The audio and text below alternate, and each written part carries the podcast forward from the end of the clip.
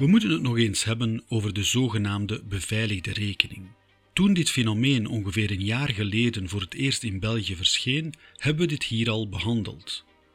Maar het aantal fraudegevallen neemt toe en er zijn slachtoffers bij die soms al hun spaargeld kwijtraken.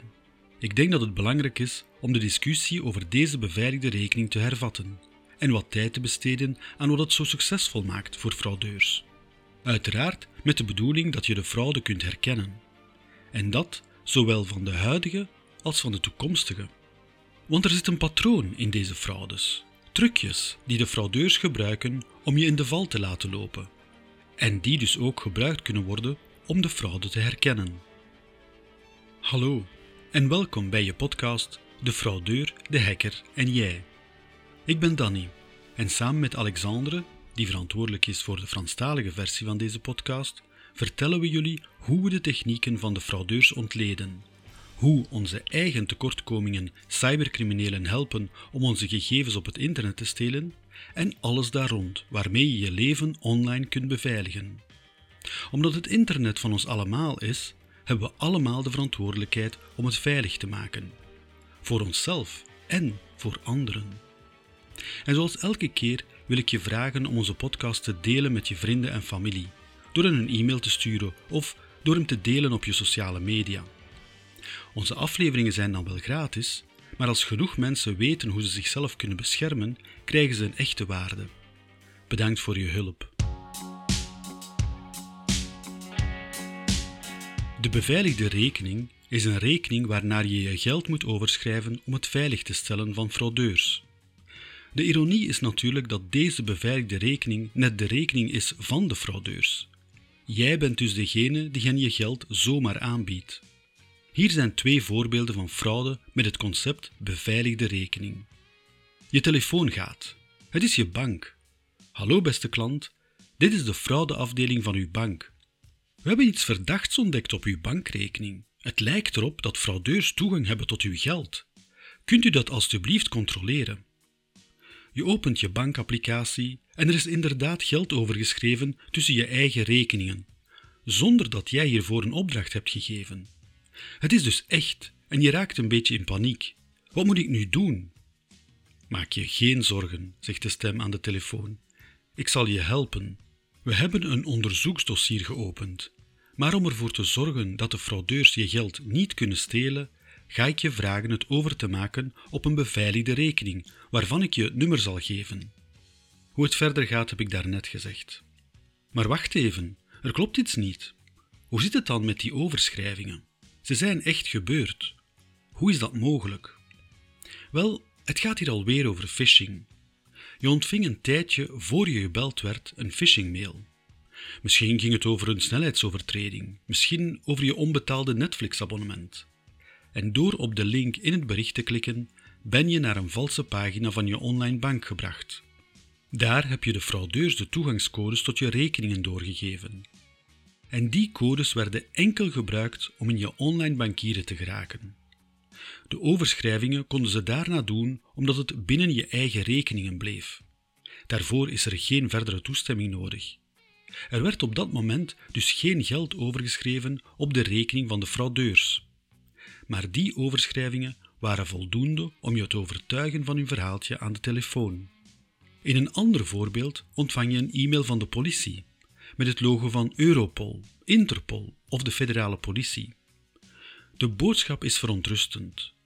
De politie-experts hebben sporen van kinderpornografie op je computer ontdekt. Iedereen weet dat dat illegaal is en het bericht dreigt dan ook met zware juridische procedures. Natuurlijk is er helemaal niets juist aan. Dat soort materiaal heb je helemaal niet op je computer. En dus reageer je.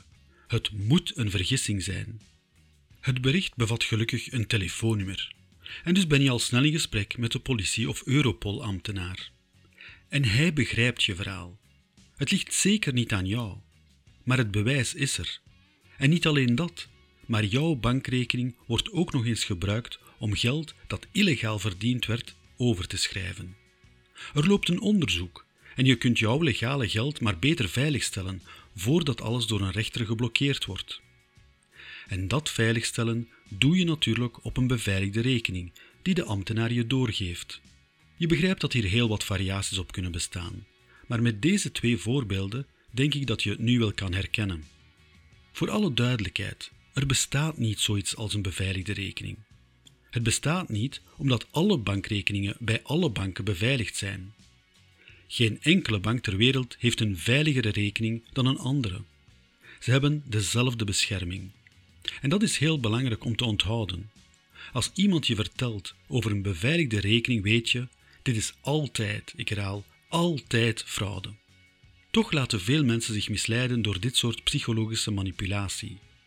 Laten we eens kijken waarom het werkt en waarom fraudeurs deze vorm van fraude verkiezen boven eenvoudige phishing.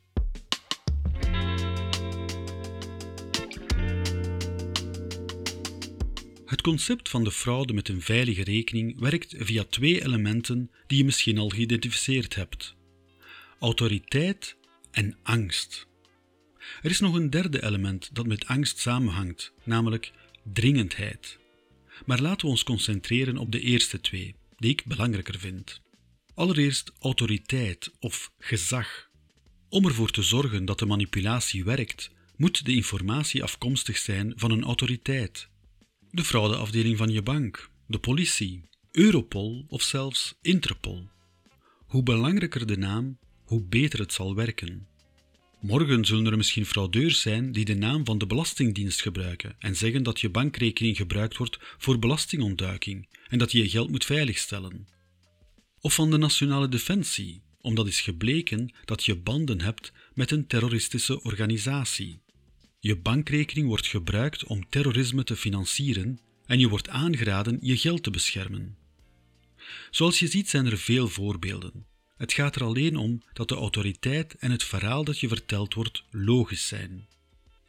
En natuurlijk ben je in alle gevallen onschuldig, maar je bent bang voor gevolgen. Angst is het tweede element van de fraude. Dus word je door de fraudeurs gerustgesteld. Oké, het ligt niet aan jou, maar dan moet je wel meewerken. Te beginnen met het beschermen van je geld. Je moet weten dat in dit type fraudezaken je op een gegeven moment in telefonisch contact komt met de fraudeurs. Langs die weg kunnen ze je beter bespelen. En dat kan gaan tot bedreiging om je te dwingen in te gaan op hun vraag. En ik kan je garanderen dat ze exact weten hoe ze hun slachtoffers kunnen meenemen tot op het punt waar ze die willen hebben. En dat is het in één keer leegmaken van je bankrekeningen.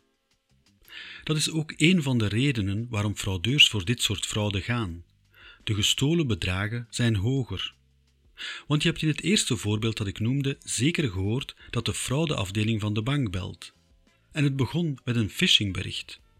Dus op een gegeven moment hadden de fraudeurs toegang tot de bankrekeningen van hun slachtoffer. Waarom maakten ze het geld dan niet gewoon zelf over?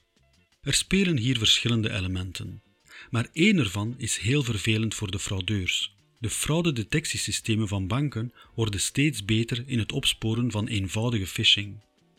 Maar als een klant zijn geld zelf overschrijft, dan lijkt het minder abnormaal. De klant doet met zijn geld wat hij wil, ook als hij al zijn geld naar een andere rekening wil sturen. De bank kan dit niet volledig blokkeren. En dit beperkt de opsporing van fraude en vergroot de kansen van de fraudeur. Wees gerust, de banken passen hun beveiligingen voortdurend aan. Ze ontdekken dus ook steeds meer van deze fraudegevallen. Maar toch, fraudeurs slagen nog steeds voldoende in hun opzet. Je moet dus voorzichtig zijn. En dat is iets wat ik steeds vaker meeneem in mijn boodschap. Banken kunnen alleen niet alles opsporen en tegenhouden. De beste bescherming tegen fraude komt nog altijd van de samenwerking tussen de financiële instellingen en haar cliënten.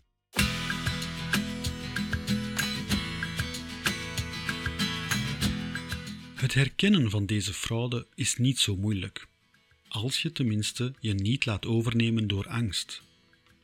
Als je gevraagd wordt je geld over te maken naar een beveiligde rekening, hang dan onmiddellijk op en doe het natuurlijk niet. Het is ook niet logisch. Als de bank je belt, hebben ze jou niet nodig om je geld te beschermen, want dat doen ze zelf. Trouwens, een interessant weetje: de bank zal het geld nooit overmaken maar gewoon de overschrijvingen van deze rekening blokkeren, of zelfs de toegang tot de rekening blokkeren. Dat is genoeg om het geld van de cliënt te beschermen. En als het gaat om een autoriteit zoals de politie, Europol of een andere overheids- of veiligheidsdienst, dan kan ik je verzekeren dat ze nooit per e-mail contact met je zullen opnemen als ze bewijs tegen je hebben. De politie zal aan je deur staan en je zult je moeten verantwoorden op het politiebureau. Dus als een e-mail je bedreigt met ernstige juridische stappen, meld hem dan bij de politie of de autoriteiten. Het is zeker vals.